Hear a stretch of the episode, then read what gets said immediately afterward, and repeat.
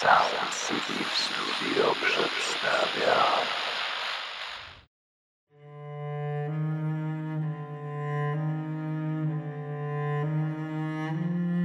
Arthur Conan Doyle Pięć pestek pomarańczy.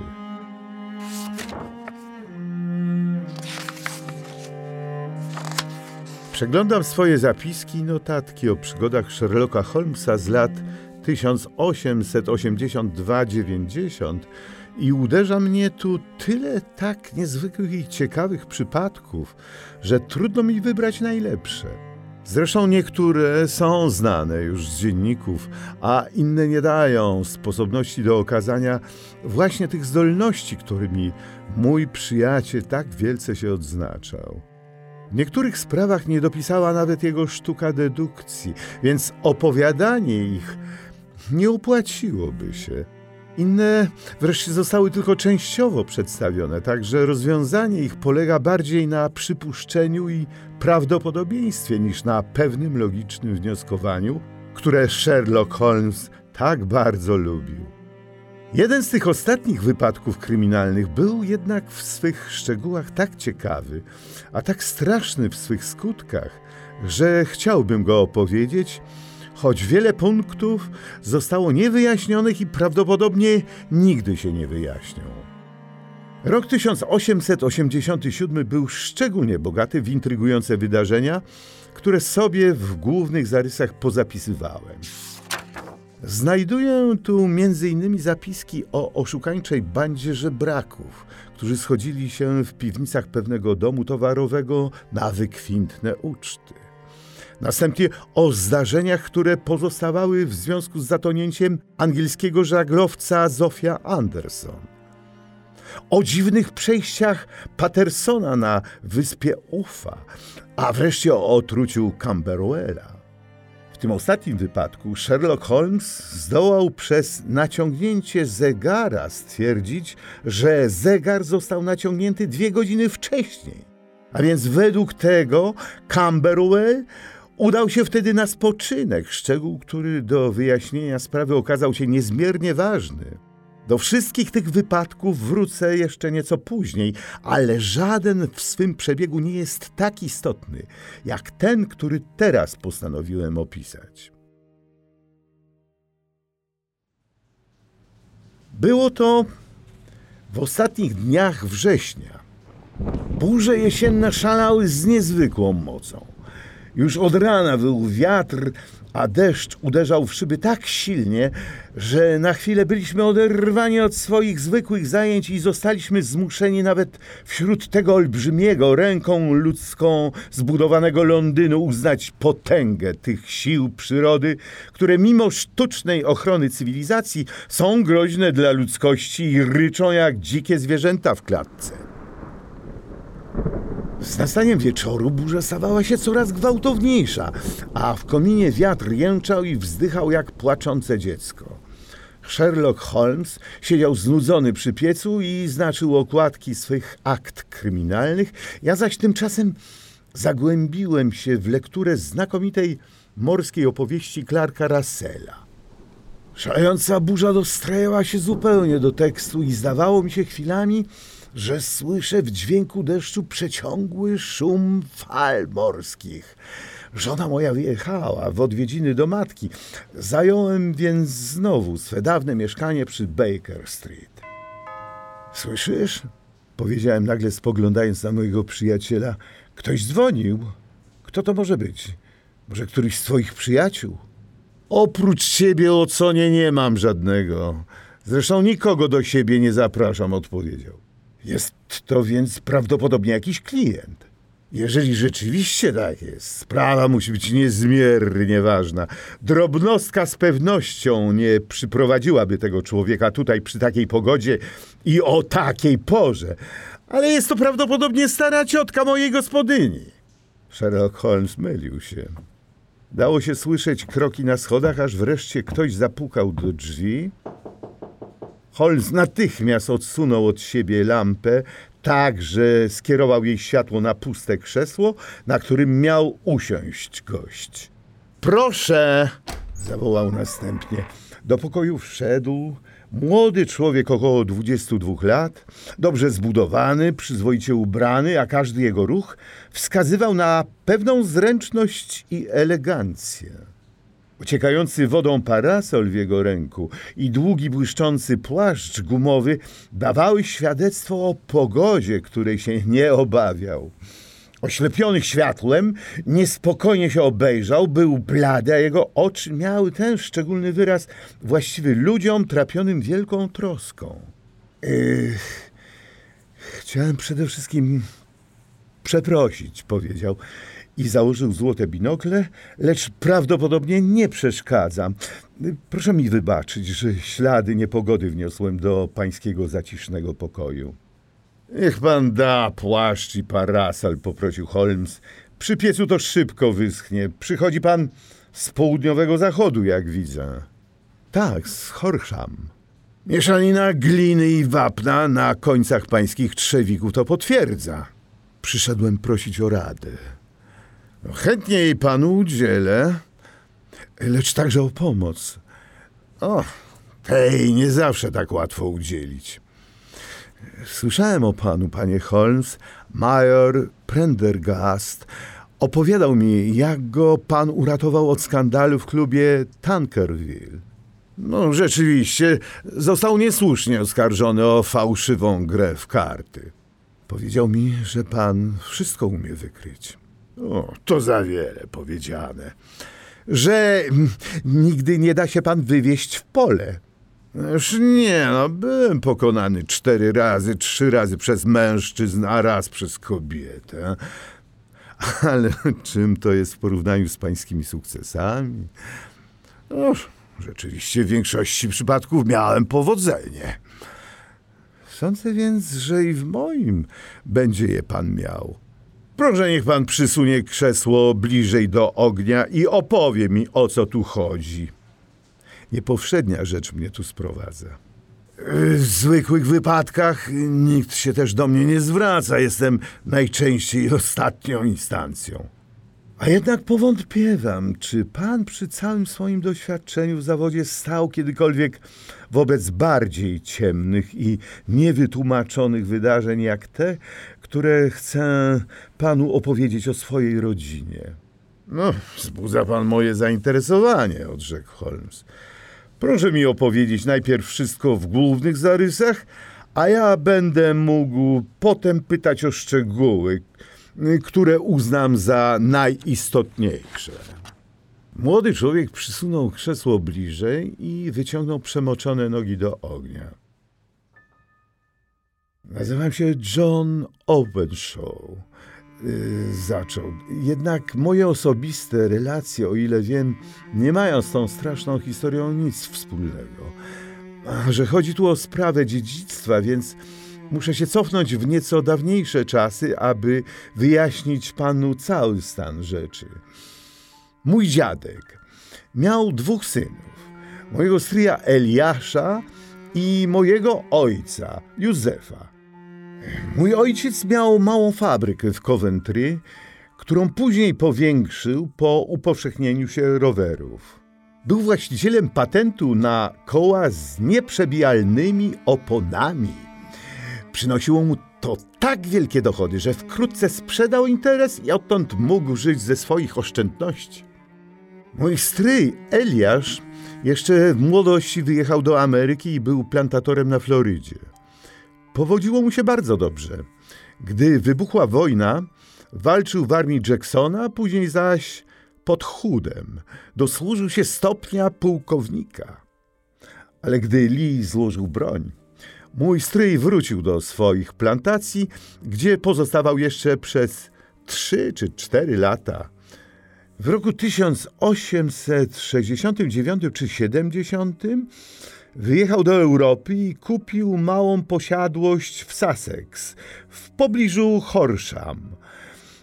W Stanach dorobił się znacznego majątku, opuścił jednak Amerykę, ponieważ, jak mawiał, nienawidził murzynów i nie mógł się pogodzić z republikańską polityką, która nadała im wolność.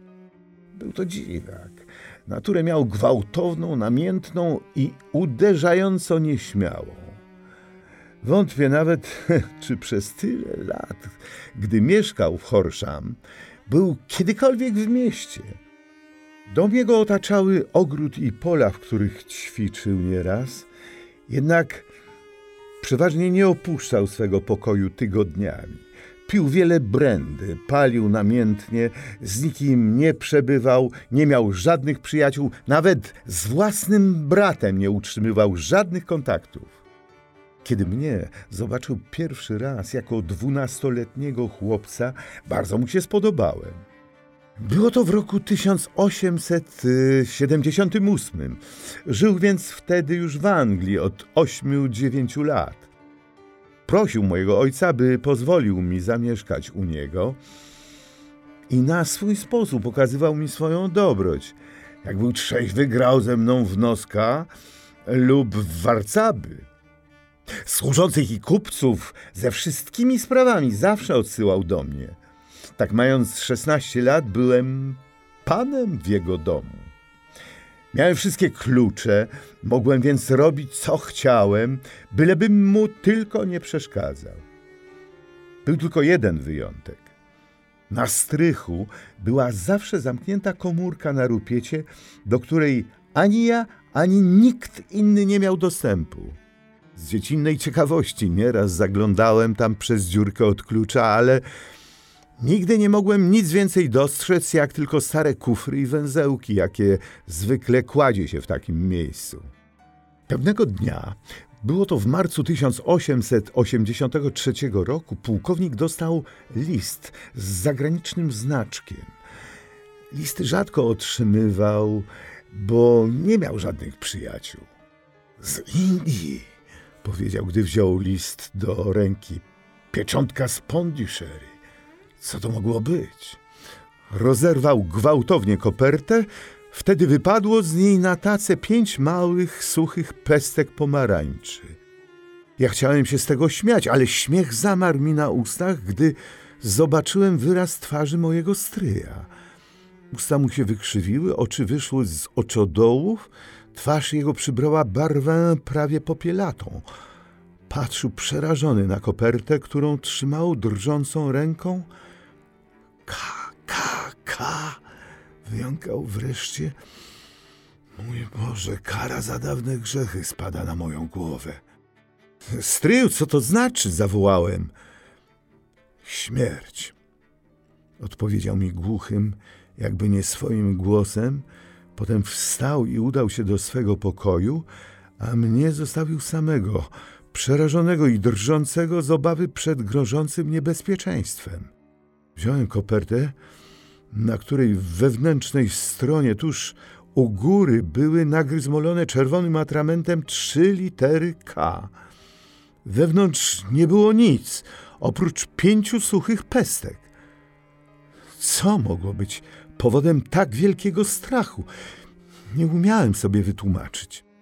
Opuściłem jadalnię, a kiedy chciałem iść na górę, mój stryj schodził właśnie ze strychu. W jednej ręce trzymał stary, zardzewiały kluczyk, zapewne od komórki na rupiecie, w drugiej zaś metalową skrzynkę podobną do kasy na pieniądze. Mogą robić co chcą, ale ja im nie ustąpię, mówił klnąc sam do siebie. Potem zwrócił się do mnie i powiedział: Powiedz, Mary, żeby dziś napaliła dobrze w moim pokoju i poślij po Fordana, adwokata z Horsham. Zrobiłem, jak mi nakazał. Kiedy przybył adwokat, zostałem zawołany do pokoju. Ogień palił się jasnym płomieniem, a w piecu było pełno gęstego czarnego popiołu, jak gdyby ze spalonych papierów. Obok stała metalowa skrzynka, otwarta i pusta. Zadrżałem, gdy na jej wieku zobaczyłem to samo potrójne K, które rano widziałem na kopercie.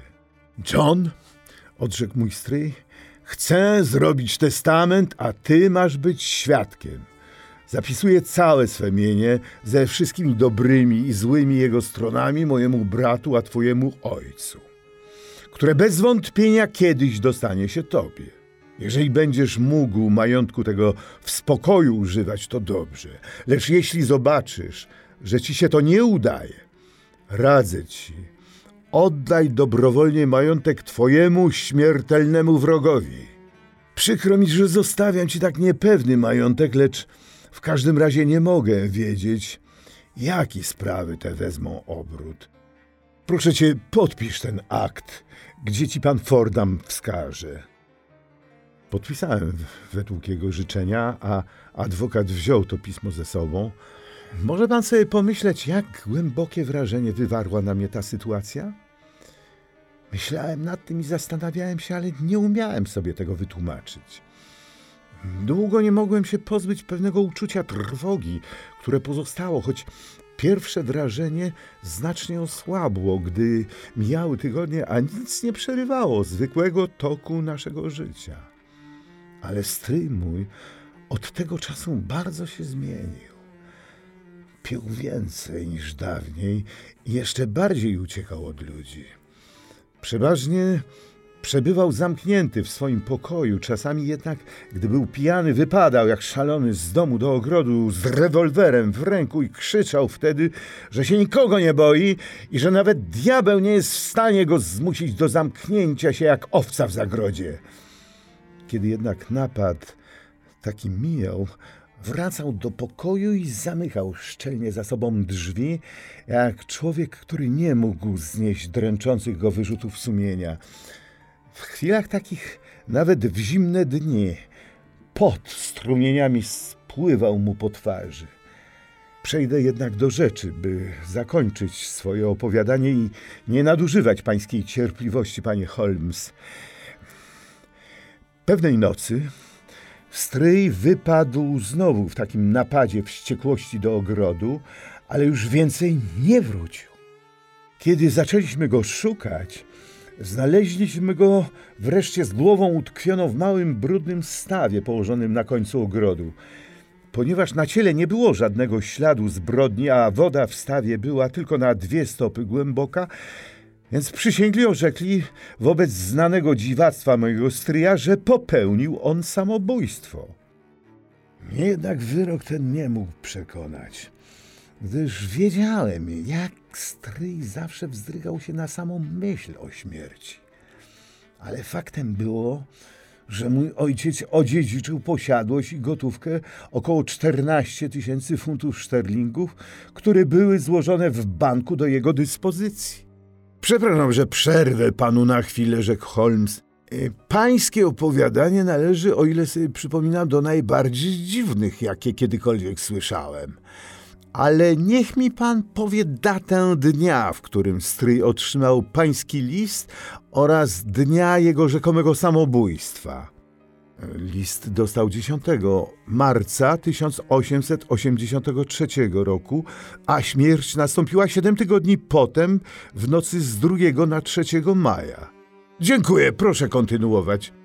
Kiedy mój ojciec objął w posiadanie majątek w Horsham, na moją prośbę przeszukał dokładnie tak pilnie zamykaną komórkę na strychu. Znaleźliśmy tam metalową skrzynkę, wyżej wspomnianą, ale jej zawartość została zniszczona. Na wewnętrznej stronie wieka znaleźliśmy nalepioną kartkę znów z literami KKK, poniżej których było napisane listy, wiadomości, pokwitowania i spisy. Były to więc te właśnie przez mojego stryja zniszczone papiery. Zresztą nic ważnego nie znaleźliśmy, Prócz wielkiej liczby dokumentów i notatek, które odnosiły się do pobytu mojego stryja w Ameryce, niektóre pochodziły z czasów wojny i wykazywały, że sumiennie wypełniał swoje obowiązki i miał sławę dzielnego żołnierza. Inne z czasów powstania Stanów Południowych odnosiły się głównie do polityki. Z nich wynikało, że z całą siłą walczył przeciw agitatorom wysłanym z północy. Z początkiem roku 1884 przeniósł się mój ojciec do Horsham i nic nie zakłóciło nam spokoju aż do stycznia 1885.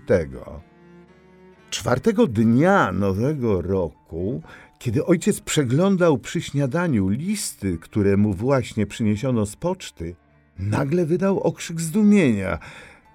Spojrzałem zdziwiony i zobaczyłem, jak ojciec siedział z kopertą, rozdartą w jednej ręce, a na dłoni drugiej trzymał pięć pestek z pomarańczy. Ojciec zawsze śmiał się z bajki o pułkowniku, jak mawiał, lecz teraz, gdy się jemu to samo wydarzyło, patrzył na to wszystko zadziwiony i zaniepokojony. John, co to może znaczyć? Wyszeptał. Mnie serce z przerażenia przestało bić. To jest to samo KKK, powiedziałem wreszcie. Ojciec spojrzał do koperty. Rzeczywiście, zawołał. Litery są, a nad nimi coś jest napisane. Pochyliłem się ku ojcu i przeczytałem złożyć papiery na zegarze słonecznym. Jakie papiery? Co za zegar słoneczny? zapytał. Zegar słoneczny w ogrodzie, bo innego nie ma, odpowiedziałem. Papiery zaś zapewne te, które spalił stryj. Też coś zawołał. Jednocześnie starając się uspokoić, żyjemy przecież w cywilizowanym kraju i nie potrzebujemy przejmować się takimi głupimi żartami. Skąd przyszedł list? Z Dandii odpowiedziałem, patrząc na pieczęć. Jakiś głupi dowcip, mówił dalej. Co mi obchodzą jakieś papiery i słoneczne zegary? Najlepiej nie zwracać uwagi na takie błazeństwa. Mnie się zdaje, że lepiej byłoby dać znać o tym policji, powiedziałem mu na to. No chyba, żeby dać się wyśmiać. Nie, nic z tego. Więc pozwól, ojcze, mnie to zrobić, prosiłem go. Surowo ci zakazuję. Rzekł mi na to, nie ma co robić tyle hałasu o taką drobnostkę. Dalsze moje próby byłyby więc daremne, bo ojciec mój był nieugięty. Jednak miałem złe przeczucia. Trzeciego dnia po otrzymaniu listu mój ojciec pojechał odwiedzić swojego starego przyjaciela majora Freebody, który miał stanowisko w jednym z fortów na Portsdown Hill. Cieszyłem się, że wyjechał, bo zdawało mi się, że jest tam bardziej bezpieczny niż w domu. A niestety myliłem się. Minęły dwa dni, a ojciec nie wracał. Dostałem wreszcie od majora telegram, wzywający mnie, abym natychmiast przyjechał. Gdy przybyłem na miejsce, dowiedziałem się, że ojciec wpadł do jednego z licznych w okolicy wapiennych dołów i znaleziono go tam nieprzytomnego z rozbitą czaszką. Wkrótce też umarł, nie odzyskawszy przytomności. Wracał prawdopodobnie o zmroku okolicy nie znał, dół wapienny nie był ogrodzony, a więc mamy tu do czynienia z nieszczęśliwym wypadkiem. Takie też orzeczenie wydali przysięgli. A chociaż zbadałem każdy szczegół, który pozostawał w związku ze śmiercią mojego ojca, to jednak nie znalazłem niczego, co wskazywałoby na morderstwo. Żadnego śladu zbrodni, żadnych śladów nóg, żadnego rabunku, żadnego człowieka, którego ktoś widziałby na drodze. A jednak rozumie pan, że nie mogłem zgodzić się z wydanym wyrokiem i byłem przekonany, że ojciec mój padł ofiarą zbrodniczego napadu. W ten oto tragiczny sposób przypadło mi moje dziedzictwo. Zapewne mnie pan zapyta, Dlaczego nie sprzedałem tej posiadłości? Dlatego, że jestem przekonany, iż prześladowanie naszej rodziny pozostaje w związku z jakimiś wydarzeniami z przeszłości mojego stryja, więc niebezpieczeństwo byłoby jednakowe w każdym domu. Mój biedny ojciec umarł w styczniu 1885 roku. Minęły więc odtąd dwa lata i osiem miesięcy. Żyłem spokojnie w Horszam i już myślałem, że przekleństwo ciążące na naszym rodzie zostało zdjęte, ale za wcześnie się ucieszyłem, bo wczoraj rano spadł na mnie nagle ten sam cios, który poprzedził śmierć stryja i ojca. Młody człowiek dobył z kieszeni pamiętą kopertę i wytrząsnął z jej wnętrza na stół pięć małych, suchych pestek z pomarańczy. To jest właśnie ta koperta, mówił dalej.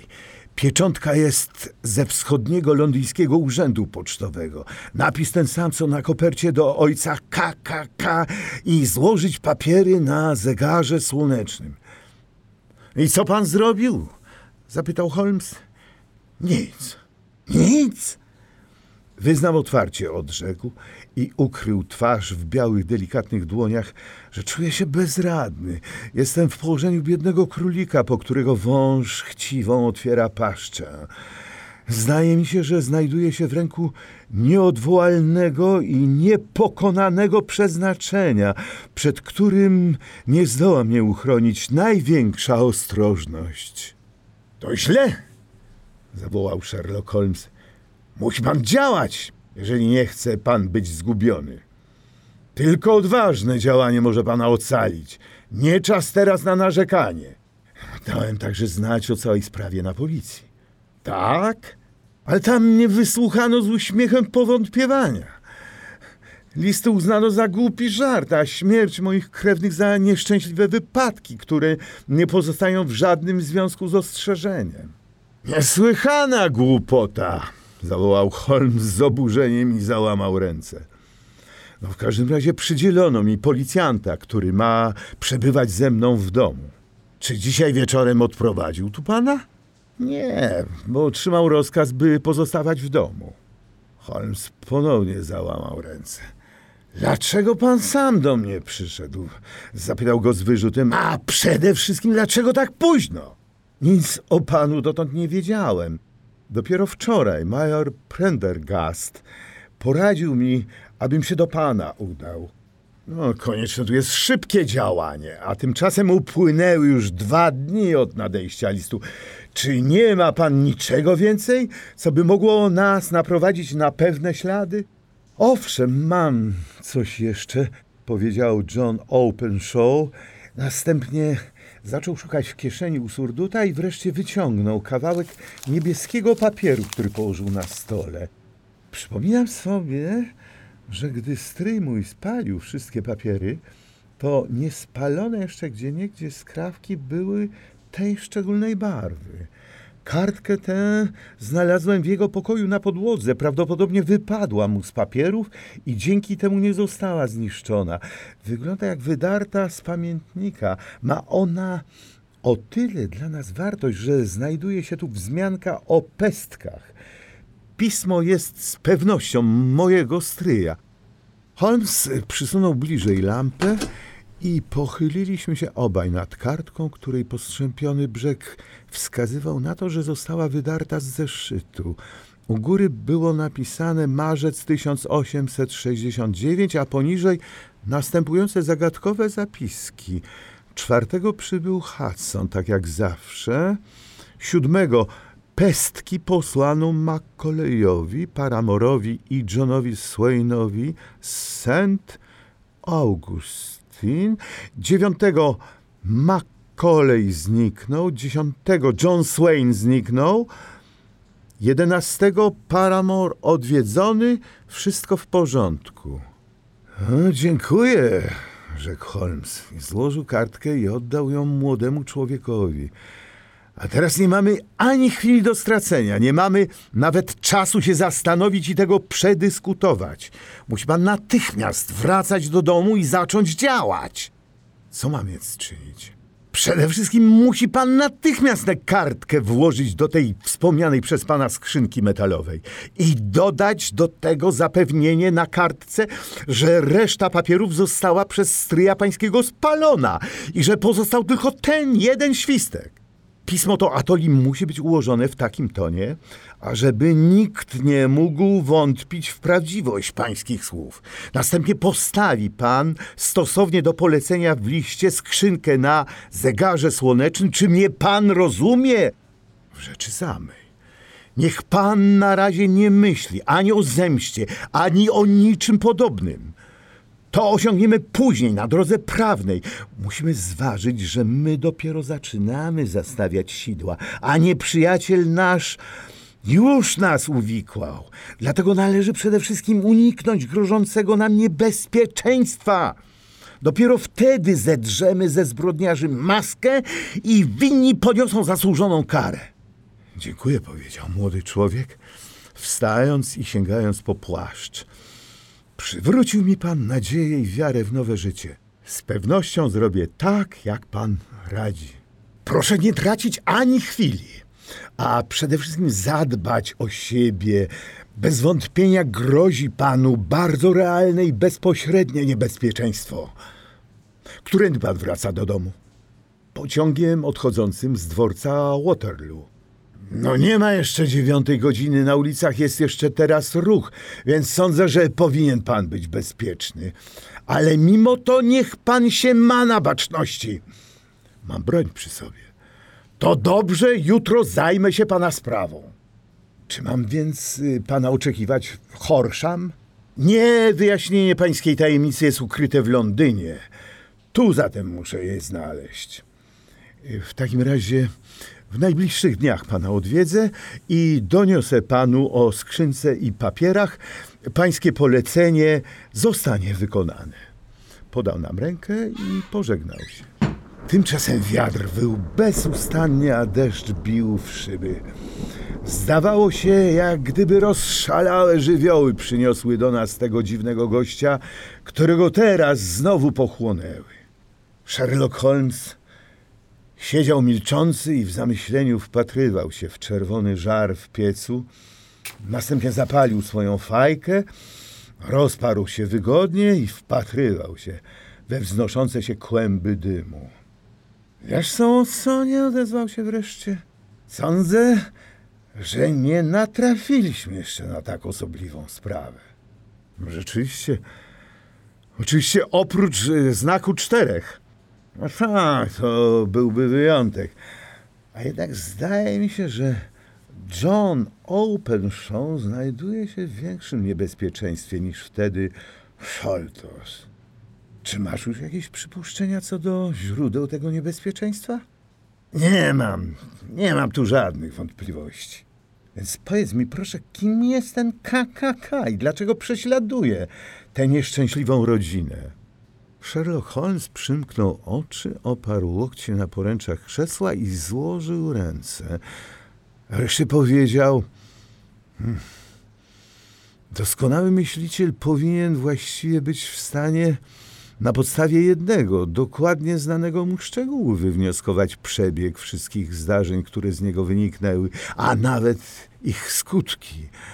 Podobnie jak Cuvier z jednej kości potrafił odtworzyć budowę anatomiczną całego zwierzęcia, tak obserwator, który dokładnie zrozumiał jedno ogniwo w serii incydentów, powinien być w stanie dokładnie określić wszystkie pozostałe, które wystąpiły zarówno przed, jak i po nim. Niestety zbyt małą mamy świadomość na temat tego, jak wiele rzeczy można dowiedzieć się jedynie dzięki dedukcji. Przy pomocy jej możemy rozwiązywać zagadnienia, w których rozwiązanie zwątpiliby wszyscy ci, którzy chcieli już posługiwać się w tym celu jedynie swoimi zmysłami. Ale do najwyższego stopnia doskonałości można dojść tylko wtedy, jeżeli badacz umie całą swą wiedzę wykorzystać. Lecz do tego potrzeba tak wszechstronnego wykształcenia, że trudno byłoby je zdobyć nawet w naszych czasach powszechnego nauczania i encyklopedii. Jest natomiast niemożliwe, aby człowiek posiadał wszystkie wiadomości potrzebne mu do jego profesji, o co też zawsze się starałem. Z tego co ja pamiętam, na początku naszej przyjaźni doskonale określiłeś zasób mojej wiedzy. Rzeczywiście odpowiedziałem mu, śmiejąc się. To była osobliwa ocena.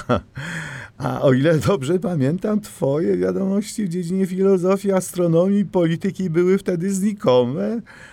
W botanice nierówne, w geologii natomiast bardzo dokładne, szczególnie o ile to pozostawało w związku z śladami z jakiejkolwiek okolicy Londynu. Chemię znałeś wprost świetnie, lecz twoje wiadomości z anatomii były nieusystematyzowane.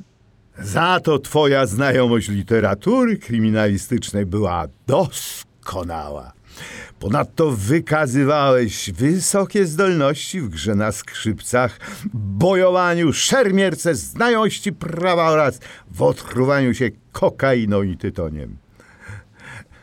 Tak brzmiała w głównych zarysach moja analiza, jeśli mnie pamięć nie myli. Holmes uśmiechnął się i mówił dalej. A ja powiadam ci dzisiaj tak jak i wtedy. Człowiek powinien na strychu swojego mózgu trzymać tylko to, co może mu się przydać, zaś resztę może złożyć w najciemniejszym zakątku swojej biblioteki, gdzie w razie potrzeby łatwo ją znajdzie. W takim przypadku jak dzisiejszy należy przede wszystkim dokładnie się przyjrzeć, z czym mamy do czynienia. Bądź łaskaw i podaj mi proszę tom amerykańskiej encyklopedii zawierający hasła na literę K. Dziękuję ci. A teraz zastanówmy się, co możemy z naszych danych wywnioskować. Przede wszystkim możemy na pewno przypuszczać, że pułkownik Openshaw z jakiegoś bardzo ważnego powodu opuścił Amerykę. Ludzie w tym wieku niechętnie zmieniają swój tryb życia i miejsce pobytu. Nie zmieniają więc bez powodu miłego klimatu Florydy na samotne życie w prowincjonalnej angielskiej mieścinie. Również jego niezmierna podejrzliwość pozwala przypuścić, że musiał się kogoś albo czegoś obawiać i że te obawy doprowadziły do jego nagłego wyjazdu z Ameryki. Przyczynę jego obaw możemy łatwo wywnioskować ze straszliwych listów, jakie on i jego rodzina otrzymali. Czy zwróciłeś uwagę na stemple pocztowe na listach? Pierwszy przyszedł z Pondishery, drugi z Dundee, a trzeci z Londynu. Ze wschodniego Londynu. Co możesz z tego wywnioskować? No, wszystkie są portami morskimi, a więc autor listów musiał się znajdować na pokładzie okrętu. Znakomicie! A zatem mamy tu już pierwszą wskazówkę. Nie ma więc wątpliwości, że autor listów znajduje się na pokładzie jakiegoś okrętu. A teraz rozważmy drugi punkt odniesienia. Między listem z Pondishery a wykonaniem wyroku upłynęło siedem tygodni. Zaś między listem z Dundee a śmiercią ojca Johna tylko trzy czy cztery dni. Co to może oznaczać? W pierwszym wypadku trzeba było przebyć większą odległość. Ale to się również odnosi do listu. Jest więc to dla mnie niezrozumiałe. Moim zdaniem można założyć, że ten człowiek, czy też ludzie, znajdują się na pokładzie żaglowca. Prawdopodobnie wysyłają to szczególne ostrzeżenie równocześnie ze swym wyruszeniem w rejs, aby swój zamiar wykonać. Widzisz, jak szybko nastąpił czyn po liście z Dundee? Gdyby ci ludzie przybyli parowcem z Pondishery, to przybyliby prawie równocześnie z listem. Widzimy zaś, że w międzyczasie upłynęło siedem tygodni. Te siedem tygodni moim zdaniem stanowi właśnie różnicę w czasie między szybkością płynięcia parowca, który przywiózł list, a żaglowca, który przywiózł autora, względnie autorów tego listu. No to możliwe. A nawet bardzo prawdopodobne. Teraz zaś zrozumiesz, dlaczego tak napominałem młodego Openshawa, aby był ostrożny. Cios spadał zawsze, gdy minął czas, jakiego posyłającemu było trzeba, żeby przybyć samemu. Ostatni list przyszedł z Londynu, więc nie ma co liczyć na zwłokę. Na Boga zawołałem. Co też może mieć na celu takie bezlitosne prześladowanie? Prawdopodobnie chodzi tu o papiery, które Openshaw posiadał, mające wielką wartość dla osoby lub osób na żaglowcu. Myślę, że to całkiem jasne, że stoi za tym więcej ludzi. Jeden człowiek nie byłby w stanie wykonać dwóch morderstw, wywodząc tym samym śledczych w pole. Muszą to być ludzie zuchwali, gotowi na wszystko za wszelką cenę. Chcą zdobyć swoje papiery. A jak mi się zdaje, to te trzy litery K nie są wcale inicjałami jednego człowieka, lecz znakiem jakiegoś ugrupowania. Ale jakiego? Czy nie słyszałeś nigdy? rzekł Sherlock Holmes, nachylając się ku mnie i ściszając głos. O Ku Klux Klanie? Nigdy. Holmes tymczasem otworzył i zaczął przerzucać kartki encyklopedii, po czym rzekł: Znalazłem Ku Klux Klan. Słowo to pochodzi rzekomo od jego nadzwyczajnego podobieństwa do dźwięku powstającego przy odciąganiu kurka broni palnej.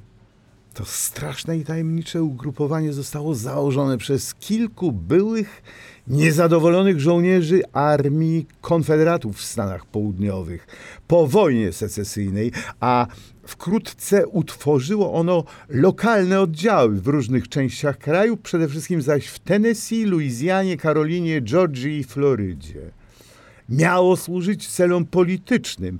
Głównie zaś miało terroryzować uprawnionych do głosowania czarnoskórych, jak również do mordowania i wypędzania z kraju tych, którzy sprzeciwiali się poglądom ugrupowania. Zbrodnie poprzedzało ostrzeżenie przesyłane przyszłej ofierze w formie osobliwego, lecz łatwego do rozpoznania znaku w jednych okolicach gałązki dębu, a w innych pestek melona lub pomarańczy. Po otrzymaniu takiego ostrzeżenia ofiara musiała albo otwarcie wyrzec się swych przekonań, albo natychmiast opuścić kraj.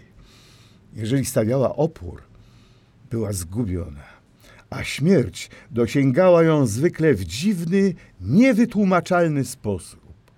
Ugrupowanie było doskonale zorganizowane, a jego metody tak systematyczne, że nie odnotowano żadnego przypadku zakończonego sukcesem stawiania oporu lub schwytania sprawców. Przez wiele lat organizacja ta kwitła, mimo wszelkich starań rządu i najznakomitszych obywateli południa, by ją zniszczyć. Dopiero w roku 1869 ugrupowanie nagle załamało się, a jego ataki i zbrodnie odtąd stały się sporadyczne. Zwróć więc uwagę, że nagły upadek tego tajnego ugrupowania zbiega się z czasem, którym Open Show ze swoimi papierami opuścił Amerykę. Kto wie, czy te dwa wydarzenia nie pozostają w związku przyczynowo-skutkowym. Nie dziwi więc fakt, że jego prześladowcy mścili się na nim i na jego rodzinie. Musisz zdawać sobie sprawę, jak wiele informacji w tych notatkach i zapiskach może pogrążyć niejedną znakomitą osobistość w Stanach Południowych i że znajdzie się tam wielu, którzy nie będą spać spokojnie, dopóki nie nabiorą pewności, że papiery zostaną zniszczone. Więc świstek, który oglądaliśmy, zawierał. Naturalnie! Jeśli się nie mylę, to było na nim napisane przecież pestki zostały posłane osobom A, B i C. To znaczy, że zostało im wysłane ostrzeżenie. Po czym następowały wyjaśnienia, według których A i B wycofali się lub wyjechali, C zaś prawdopodobnie złożono wizytę, która miała dla niego złowieszcze skutki.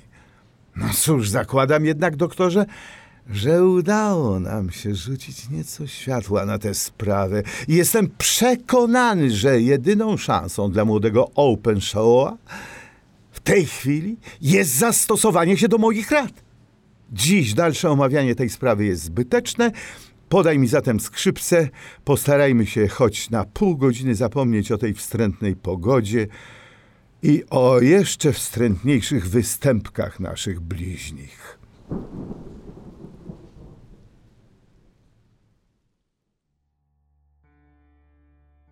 Nazajutrz rano niebo się trochę rozpogodziło, a słońce przyćmionym blaskiem nieco przedzierało się przez szarą mgłę zwykle panującą w tym wielkim mieście. Kiedy zszedłem na dół, Sherlock Holmes jadł już śniadanie. Wybacz mi, że na ciebie nie czekałem, powiedział mi, ale będę miał dzisiaj w sprawie młodego Open Showa wiele do zrobienia. Jakie będą twoje pierwsze kroki? Zależeć to będzie w dużej mierze od wyniku mojego dochodzenia. Być może będę też musiał się udać do Horsham. To nie pojedziesz tam najpierw? Nie, najpierw udam się do miasta. E, proszę po prostu zadzwoń, a służąca przyniesie ci kawę. Czekając na służącą, wziąłem do ręki nieotwartą jeszcze gazetę. Mój wzrok padł na nagłówek, który przyprawił mnie o dreszcze. Holmesie! zawołałem. Spóźniłeś się! Ach, odrzekł mi i odstawił filiżankę. Niestety tego się właśnie obawiałem. Jak się to stało? Powiedział to niby spokojnie, a widziałem, jak głęboko był poruszony. Moje oko wychwyciło nazwisko Open Show i nagłówek Tragedia w pobliżu mostu Waterloo. Wczoraj wieczorem, między godziną dziewiątą a dziesiątą, policjant Cook z dywizji H, odbywający służbę na moście Waterloo, usłyszał wołanie o pomoc i plusk w wodzie. Noc była tak burzliwa i ciemna, że mimo pomocy kilku przechodniów ratunek okazał się niemożliwy. Wszczęto alarm i dopiero policji wodnej, która przybyła na miejsce wypadku, udało się znaleźć ciało. Nieszczęśliwą ofiarą jest młody człowiek, John Openshaw, zamieszkały w Horsham, jak wynika z koperty znalezionej w jego kieszeni. Przypuszcza się, że zmierzał on prawdopodobnie na ostatni pociąg ze stacji Waterloo, lecz z powodu pośpiechu i ciemności pomylił drogę i spadł z nabrzeża dla paru statków do rzeki. Ponieważ na ciele nie znaleziono żadnych śladów przemocy, więc był to z pewnością nieszczęśliwy wypadek, który powinien zwrócić uwagę władz na stan nabrzeżnych przystani. Siedzieliśmy w milczeniu. Holmes siedział przygnębiony. Nigdy jeszcze go takiego nie widziałem. Rozumiesz chyba, Watsonie, że to obraża moją dumę, rzekł wreszcie. To bez wątpienia egoistyczne uczucie, ale obraża to moją dumę. Teraz więc uważam tę sprawę za osobistą. Jeśli Bóg da mi dość sił, to nie spocznę, dopóki nie dopadnę tej bandy. Szukał u mnie pomocy, a ja go posłałem w ramiona śmierci. Zerwał się z krzesła i zaczął szybko chodzić po pokoju. Jego blada twarz zaczerwieniła się, a palce jego dłoni zaczęły się nerwowo zaciskać i rozwierać. Muszą to być przebiegli zbrodniarze, zawołał wreszcie. Jak oni zdołali go tam zwabić? To dobrze, że nie znajduje się po drodze na stację. Most zaś, nawet w taką noc, był zbyt zatłoczony, by można było wykonać taką zbrodnię. Zobaczymy, Watsonie, kto ostatecznie zwycięży. Ale teraz wychodzę. Czy na policję? Nie! Sam będę swoją własną policją. Kiedy już utkam sieć, ona może złapać muchy, ale nie wcześniej. Przez cały dzień zajmowałem się sprawami zawodowymi i dopiero późnym wieczorem wróciłem na Baker Street. Sherlock Holmes jeszcze nie wrócił. Wszedł wreszcie tuż przed godziną dziesiątą, blady i znużony. Podszedł wprost do kredensu, skąd wziął kawałek chleba, zjadł go chciwie i popił łapczywie wodą. Jesteś głodny, jak widzę, zauważyłem. Straszliwie wygłodzony. Zupełnie o tym zapomniałem. Pomyśl, że od śniadania nic nie jadłem. Nic? Ani kąska, bo nie miałem czasu o tym myśleć. A udało ci się coś osiągnąć? Wiele. Czy natrafiłeś na ślad tych łotrów? Mam ich wszystkich w ręku. John Openshaw będzie niedługo pomszczony. Ale przedtem poślemy im ich własny diabelski znak. Prawda, Watsonie, że to wspaniały pomysł? A co masz na myśli? Tymczasem Sherlock Holmes wziął z szafki pomarańczę, rozkroił ją i wycisnął z niej pestki na stół. Pięć z nich włożył do koperty, a na jej wewnętrznej stronie napisał SH za JO. Następnie starannie ją zakleił, opieczętował i zaadresował kapitan James Calhoun, barka Lone Star, Savannah, Georgia. Ten liścik zaczeka na niego w porcie, powiedział szyderczo. Niech zapewni mu parę bezsennych nocy.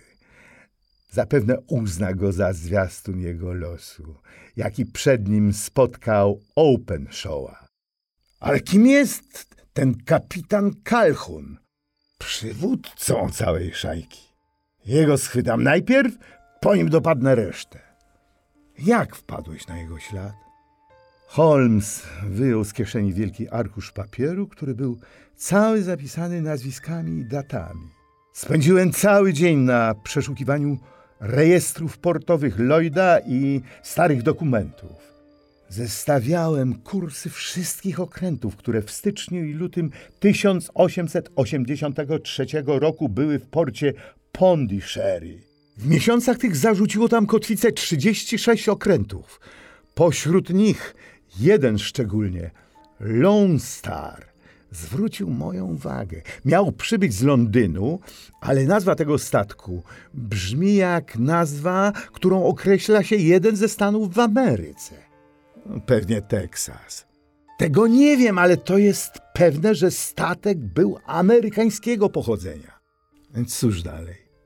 Przeszukałem następnie rejestry Dandy, a kiedy odkryłem, że Lone Star kotwiczyła tam w styczniu 1885 roku, tylko upewniłem się w swoich przypuszczeniach. Potem dowiedziałem się, jakie okręty stoją obecnie w porcie w Londynie. Lone Star przybyła tu w ubiegłym tygodniu. Poszedłem więc natychmiast do doków Alberta. Niestety, rano wraz z przypływem okręt opuścił port i udał się z powrotem do Savannah. Nadałem telegram do Gravesend. Odpowiedziano mi, że przed chwilą statek minął tę miejscowość. Wiatr wieje dziś od wschodu, y, musiał więc już pewnie minąć Godwins i znajduje się niedaleko wyspy White. No i co zamierzasz z tym zrobić? Teraz mam ich wszystkich w garści. Wiem, że tylko kapitan i dwaj majtkowie są rodowitymi Amerykanami. Pozostali zaś to Niemcy i Finowie. Poza tym dowiedziałem się, że ubiegłej nocy wszyscy trzej opuścili pokład statku. Powiedział mi to Stauer, który wnosił ich ładunek. Zanim ich żaglowiec przybędzie do Savannah, parowiec dostarczy ten list na miejscową pocztę, a jej pracownicy nadadzą telegram na policję, że ci trzej panowie są poszukiwani za popełnione morderstwo. Jednak plany ludzkie, choć nieraz bardzo dobrze przemyślane, nie zawsze mogą zostać zrealizowane. Zabójcy Johna Openshawa nigdy nie mieli otrzymać pięciu pestek pomarańczy, mających im dowieść, że znalazł się człowiek równie przebiegły i zuchwały jak oni, który odważył się ruszyć ich tropem. W roku tym burze morskie były bardzo gwałtowne i wyrządziły wiele szkód. Na próżno oczekiwaliśmy przez długi czas wiadomości o przybyciu Lone Star do Savannah. Wreszcie usłyszeliśmy, że gdzieś daleko na Oceanie Atlantyckim znaleziono szczątki rufy statku z wyrzeźbionymi literami LS, którymi fale miotały na wszystkie strony. To było wszystko, czego mogliśmy dowiedzieć się o losach Lone Star.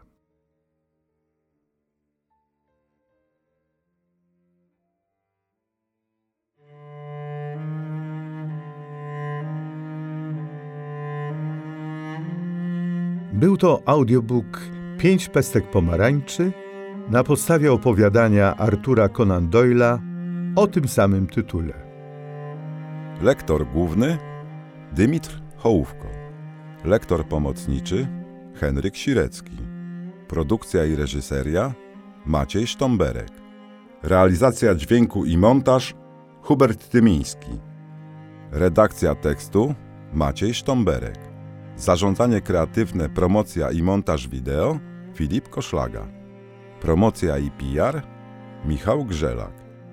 Autor okładki Aldona Sołtysiak. Filip Koszlaga. Autorka zdjęcia z okładki Paulina Świątek. wyprodukowano przez Stowarzyszenie Sun City Studio.